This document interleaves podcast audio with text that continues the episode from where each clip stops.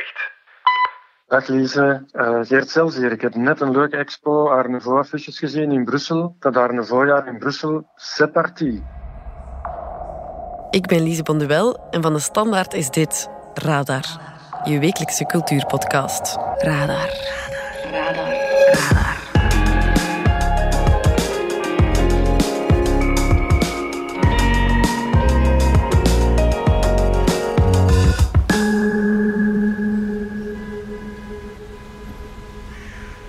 Soms kan je zo in gedachten verzonken door de straten van Brussel wandelen, terwijl een bericht aan het typen of de weg aan het zoeken. Naar het noordoosten richting de Bondgenotenstraat. Dat je bijna vergeet rond te kijken. En dat is zonde. Want Brussel staat vol met prachtige huizen in Art Nouveau-stijl. Dit jaar zet Brussel die in de picture. Er zijn drie grote principes van de Art Nouveau. Licht, lucht ruimte. Na 130 jaar Art Nouveau, ja, ze konden zelfs niet wachten tot er 150 waren. Eigenlijk voor die tijd is dat revolutionair. Want Art Nouveau is veel meer dan een paar sierlijke krullen en de plantenwereld die op een fenomenale wijze in de architectuur tot leven komt. Ondanks het feit dat dat ja, gewoon een, een, een huis in de reis springt het er toch meteen uit. En het springt er letterlijk uit, omdat het een beetje naar voren steekt. Ik spreek erover met cultuurredacteur Geert Sels. Het heeft net als ik uh, een buikje. Uh, maar bij het Art Nouveau gaat het dan om een erker. En onze gids Arlette Klauwers. Welkom bij Radar. Radar. Radar. Radar. Radar.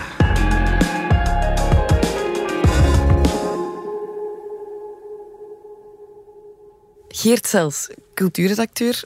Ben jij ook zo gebeten door Art Nouveau? Ja, lang eigenlijk. Dertig jaar geleden ben ik samen met mijn vriendin huizen beginnen kijken. Eerst in Brussel, Antwerpen. En dan hadden we het plan opgevat dat we uh, zoveel mogelijk Art Nouveau-steden in heel Europa wilden gaan bekijken. En daar hebben we toch wel stevig werk van gemaakt. Zo'n bucketlist. Uh, ja, bucketlist. We zijn dan in Glasgow terechtgekomen. Ja, Parijs natuurlijk. Nancy in Barcelona. En wat weinig mensen kennen, dat zijn de wijnpaleizen in het westen van Spanje. Die zijn fantastisch. Waarom? Je kunt daar ook iets drinken, namelijk. Belangrijk. Ja, en dan Weimar hebben we gedaan. Darmstadt, Wenen, Praag, Budapest. Dus we hebben toch al een, een mooi lijstje. En waarom zijn jullie zo hoekt? Ja, omdat het toch wel een heel uh, bijzondere stijl is die heel veel aantrekkelijke punten combineert. Ja, er is de schoonheid natuurlijk, hè, dus dat pakt u helemaal in. Het is uh, ook zo elegant en verfijnd. Het is een heel innoverende stijl. Ja, het is ook elke keer anders. Zo van, uh, er, zijn zo, Ja. er zitten zoveel elementen in de toolbox en je kunt je elke keer weer laten verrassen door weer een nieuw elementje dat in stelling gebracht wordt. Ik kan daar bijvoorbeeld ook enorm van genieten als ik door de Brusselse straten loop en naar de Ja. gevels kijk. Ja, Het dat is heb ik ook. fantastisch. Ja. Ik woon in Brussel en ik probeer soms zo van die zijwegen te pakken om toch nieuwe, andere huizen te zien. Een van die huizen is bijvoorbeeld het Horta Museum. Dus hier staan we aan de ingang van het Horta Museum. En daar wacht iemand mij op. Gids Arlette. Ik ben Arlette Klauwers. Ik heb eh 28 jaar geleden een VZW opgericht, Corrij, om de mentaliteitsgeschiedenis van gebouwen naar een groter publiek toe te duiden. Het eerste wat opvalt is... Je heeft een balkon in glas gemaakt. Dat kan je hier doen zien. En dat betekent als we de deur opentrekken, hebben het licht naar binnen. Elk ander balkon is in beton gemaakt. Maar dat maakt ook dat je dan binnenin een donker huis hebt. En er zijn drie grote principes van de Nouveau. Licht, lucht en ruimte. En dat had te maken dat men in de 19e eeuw bang was om ziek te worden. Men ontdekte bacteriën, microben. En de betere burgerij, die zeggen wij willen een huis waar heel veel licht is, heel veel lucht is en heel veel ruimte. En op basis van die drie principes gaat Victor Horta, maar niet alleen Victor Horta, ook Corrie van de Velde en Paul Oncart gaan een nieuwe typologie van woning maken. En dan heel typisch is eigenlijk die verankering in, in heel de natuurwereld. Ja, ja. En eh, met, met al die florale motieven. De Brusselse stijl althans dan. Hè, dat is dan de, de hele golvende stijl, de zweepslagstijl. Dit is de zweepslaglijn. Hè? Dat is de kronkellijn die eigenlijk terugspringt. Hè? Echt de zweepslag dat je hier ziet. Maar dat is ook wat planten doen, klimplanten doen. Als je klimplanten ziet, die kronkelen en draaien totdat ze de richting van het licht hebben gevonden. En dan heb ik het niet alleen over de, de bloempjes op de gevels, hè, de, de, de, de fresco's en de sgraffito's. Maar dan heb ik het eigenlijk echt over heel de opbouw bijvoorbeeld van zo'n huis. Ja, bij uitstek van die verticale huizen zijn die bijna het verloop van de stam van een boom volgen. Ja, die huizen lijken echt bijna geschilderd. Niet die lompe constructies die we. Ja, dat is het. En, en, toch, en toch is het dan zo dat uh, Horta heel veel zware materialen gebruikt. Hè, want hij steekt het ook niet weg dat hij zijn inspiratie haalt uit de industrie. Hij deinst er niet voor terug om bijvoorbeeld echt een gietijzeren steunbalk te gebruiken met de klinknagels er nog in. Dus dat mag allemaal gezien worden. Dat is geen probleem. Ook heel veel glas gebruikt hij natuurlijk ook. Ah ja, oké. Is Art Nouveau eigenlijk altijd zo sierlijk en golvend? Uh, nee, nee. Dat is het niet hier bij ons. Of toch niet zo gebleven. Want uh, in het begin was het wel zo 1893 en dan... Ja, dan denk ik dat het tien jaar of, of, of, maximum 15 jaar geduurd heeft. En dan heeft zich echt als een steekvlam verspreid. Maar nadien was het eigenlijk wel een beetje klaar met de golflijntjes. En dan is het zelfs zo gegaan dat Horta op een gegeven moment zijn eigen huis, wat hij een beetje beschouwde als een, een representatieplek waar hij klanten ontving, maar dat hij daar zelf verhuisd is. Maar... hij is daar zelf niet blijven wonen. Hij is dan ergens in de Louisalaan in een veel soberder huis gaan wonen. En ook in andere Europese Art Nouveau-stijlen is het ook zo'n vaart niet gelopen. Want dan de, de meer Duitse of Oostenrijkse varianten die zijn strakker en geometrischer. Hmm. Trouwens, zijn uh, mede grondlegger van de Art Nouveau, die gaat veel meer werken met uh, geometrische patronen. Ja, dat is eigenlijk meer een rechthoekige box. Echt zo'n kubus. ja, ja, het is allemaal veel uh, strakker. En alles wat ja, na 1905 komt, is eigenlijk allemaal veel, veel strakker. Ja. Wat maakt het dan toch nog Art Nouveau? Ja, omdat we tot nu toe uh, vooral gesproken hebben over de stijlkenmerken. En ja, je merkt dan inderdaad ook wel dat uh, al die elementen van de toolbox van de Art Nouveau, die zitten er nog in natuurlijk. Hè. Dus de loggia, de erker, fresco's, uh, ja, dat is een soort afgesloten balkon, zeg maar. Ah, ja, ja. Dus al die elementen die zitten er nog in, maar dat zijn eigenlijk alleen maar stijlelementen. Terwijl Art Nouveau eigenlijk ook meer is dan alleen maar stijl.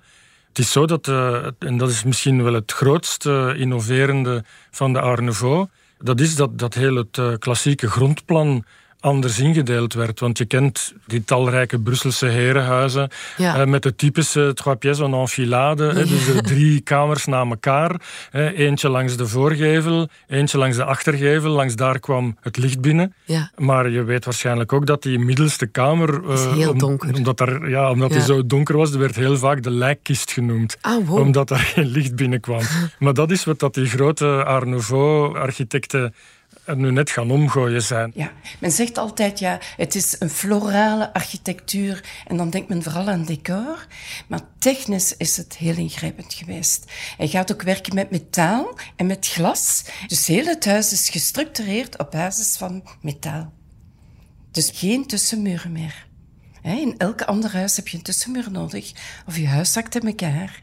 Hij gaat zorgen dat het huis eigenlijk door die structuur vasthoudt, waardoor je eigenlijk veel meer licht door dat huis kunt laten gaan, maar ook veel meer ruimte creëert. Ja, de trap staat centraal in het huis en wanneer we de trap opgaan, zien we dat de ruimte door de grote lichtkoepel bovenin het dak lichter en lichter wordt. En wat nieuw is, hij gebruikt de trap als een leefruimte in zijn huis. In elk ander huis gebruik je een trap om naar de eerste, tweede en derde verdieping te gaan. Maar hier wordt geleefd op de trap. En doordat hij vijf of zes trappen maakt daar ook, zit hij met tussenverdiepingen. Dat betekent dat eigenlijk de vierkante meter en de kubieke meter daardoor vergroot. Dus dat is fenomenaal hoe dat, dat plan veranderd wordt en verbeterd wordt. En dan een ander ding, Art Nouveau heeft ook te maken met allerhande innoverende technieken stromend water tot op de bovenste verdieping krijgen, bijvoorbeeld. Of nieuwe ventilatiesystemen of verwarmingssystemen die in de grond zijn ingebouwd. Heb je hier een zuil? Heel duidelijk gebaseerd op een antieke zuil. En tegelijkertijd is dat een decor, een structuur, maar het is ook de verwarming. Dus als je hier voelt met je handen, ja, voel maar voel je de verwarming. En dat is ook een van de belangrijke kenmerken van de Art Nouveau. Het is een onderdeel van de structuur, maar het is tegelijkertijd decor. En dan maakt het eigenlijk dat je een heel boeiende architectuur hebt. Als je alleen maar decor hebt, dan wordt dat heel snel kitsch. Ja? Maar doordat hij de structuur als een decor gaat gebruiken, is dat heel boeiend om die ontdekkingen binnen in dat huis te doen. En dat maakt dat deze ruimte eigenlijk lekker verwarmd was. Je ziet dat er ook een bankje naast is. Hè? Nu zitten met je achterste op een bankje, dat is koud. Je heeft dat zo uitgesneden voor een kussentje met twee flosjes. Hier zo. Hè? En kan je lekker gezellig wachten tot paard en kar weer voorbij reden en men kan vertrekken uit het huis. En zijn al die Art Nouveau-huizen dan gebouwd om in te wonen? Want op zich, dat zijn toch wel echt kleine stadspaleizen. Ja, de grootste voorbeelden wel natuurlijk. Hè. Horta had er dan het geluk dat hij die mensen tegenkwam, een aantal heel rijke opdrachtgevers. Maar in die tweede generatie Art Nouveau-architecten, ja, die werkten eigenlijk ook voor een cliënteel van de welgestelde burgerij die daar een teken van modernisering in zagen en die vonden dat ze zich daar konden mee onderscheiden en die ook een Art Nouveau huis wilden. Ja. Maar dat mocht voor hen gerust een beetje minder duur zijn. Zo krijg je dan eigenlijk de, de tweede generatie Art Nouveau die dan echt diende om in te wonen en waar eh, heel veel mensen een hele fijne tijd in gehad hebben, maar wat eigenlijk echt niet zo vooruitstrevend was. Mhm. En zijn er ook andere toepassingen geweest? Er zijn ook een aantal publieke gebouwen geweest, bijvoorbeeld. Want uh, ja, het eerste publieke gebouw dat Horta gebouwd heeft in Brussel, dat was een kleuterschooltje in de Marolle. Ah, ja. je, je hebt bijvoorbeeld ook Henri Jacobs, die in Schaarbeek meer dan tien jaar bezig geweest is om daar een scholencomplex te bouwen.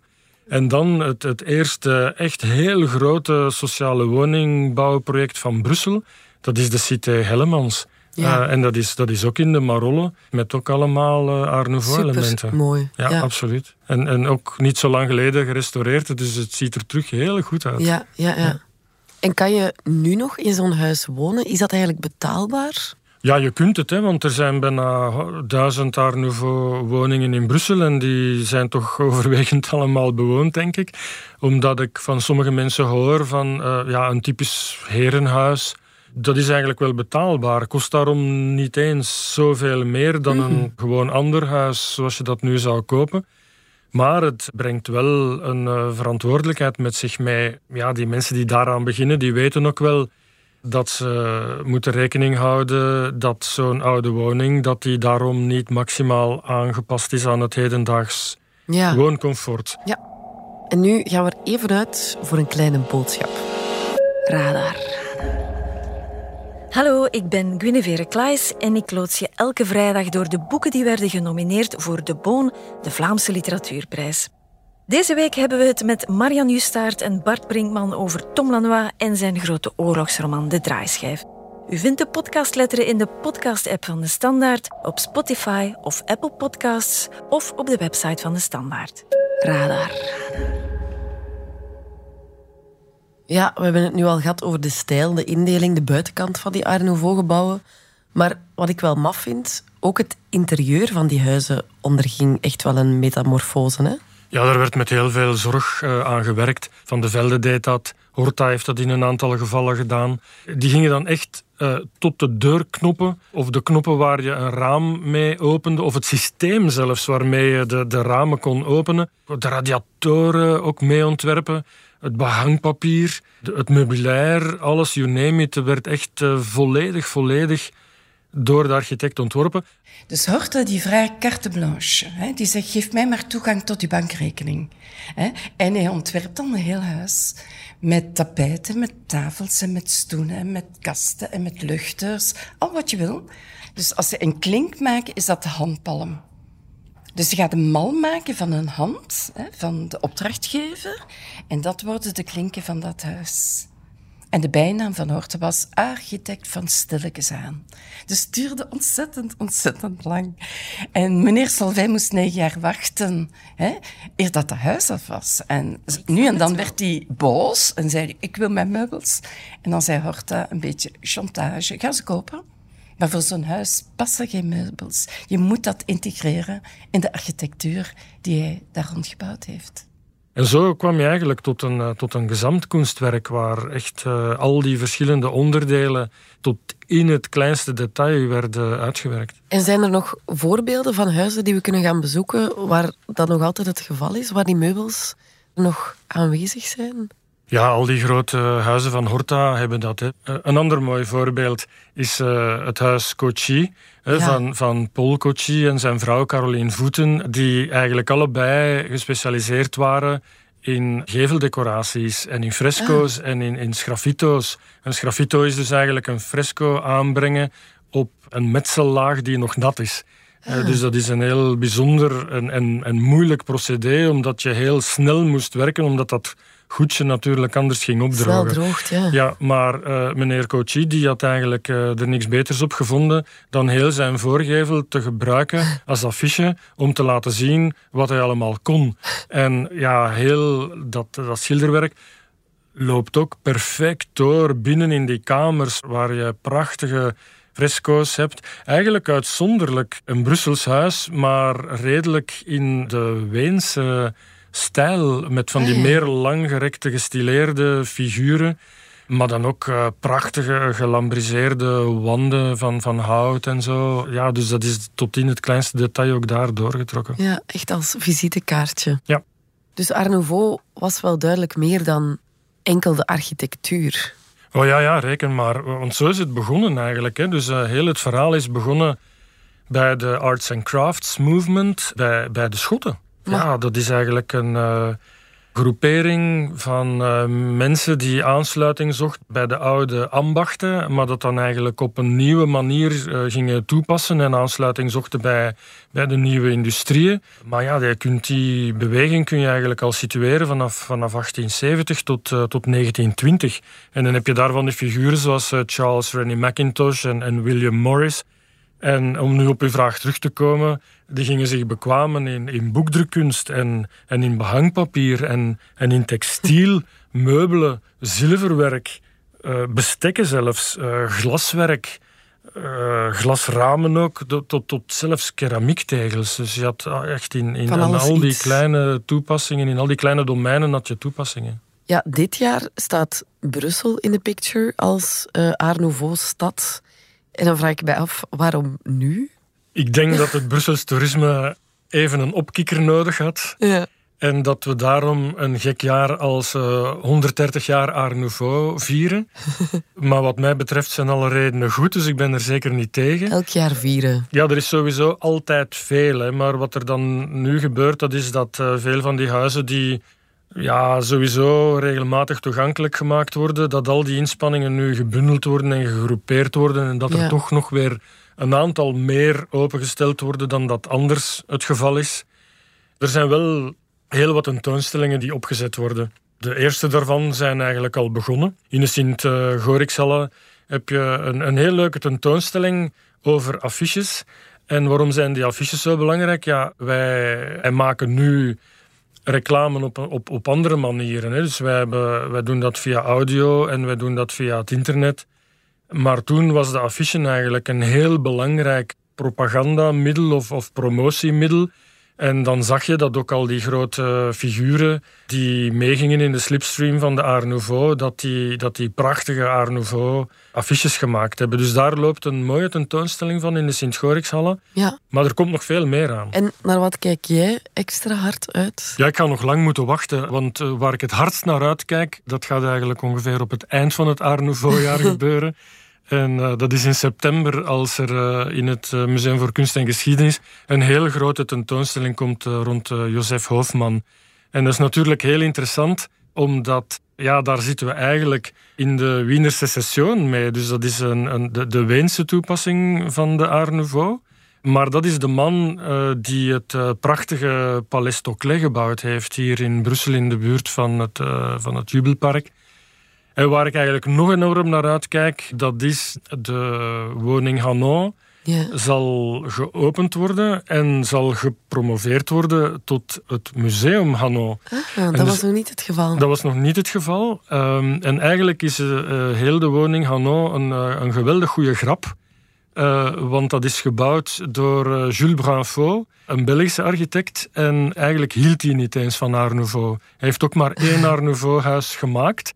Maar hij heeft dat toch gedaan op vraag van meneer Hanon, die een uh, belangrijke fabrieksbaas was, die heel hoog in de rangorde zat bij de Solvay-fabriek, de, grote industrieel.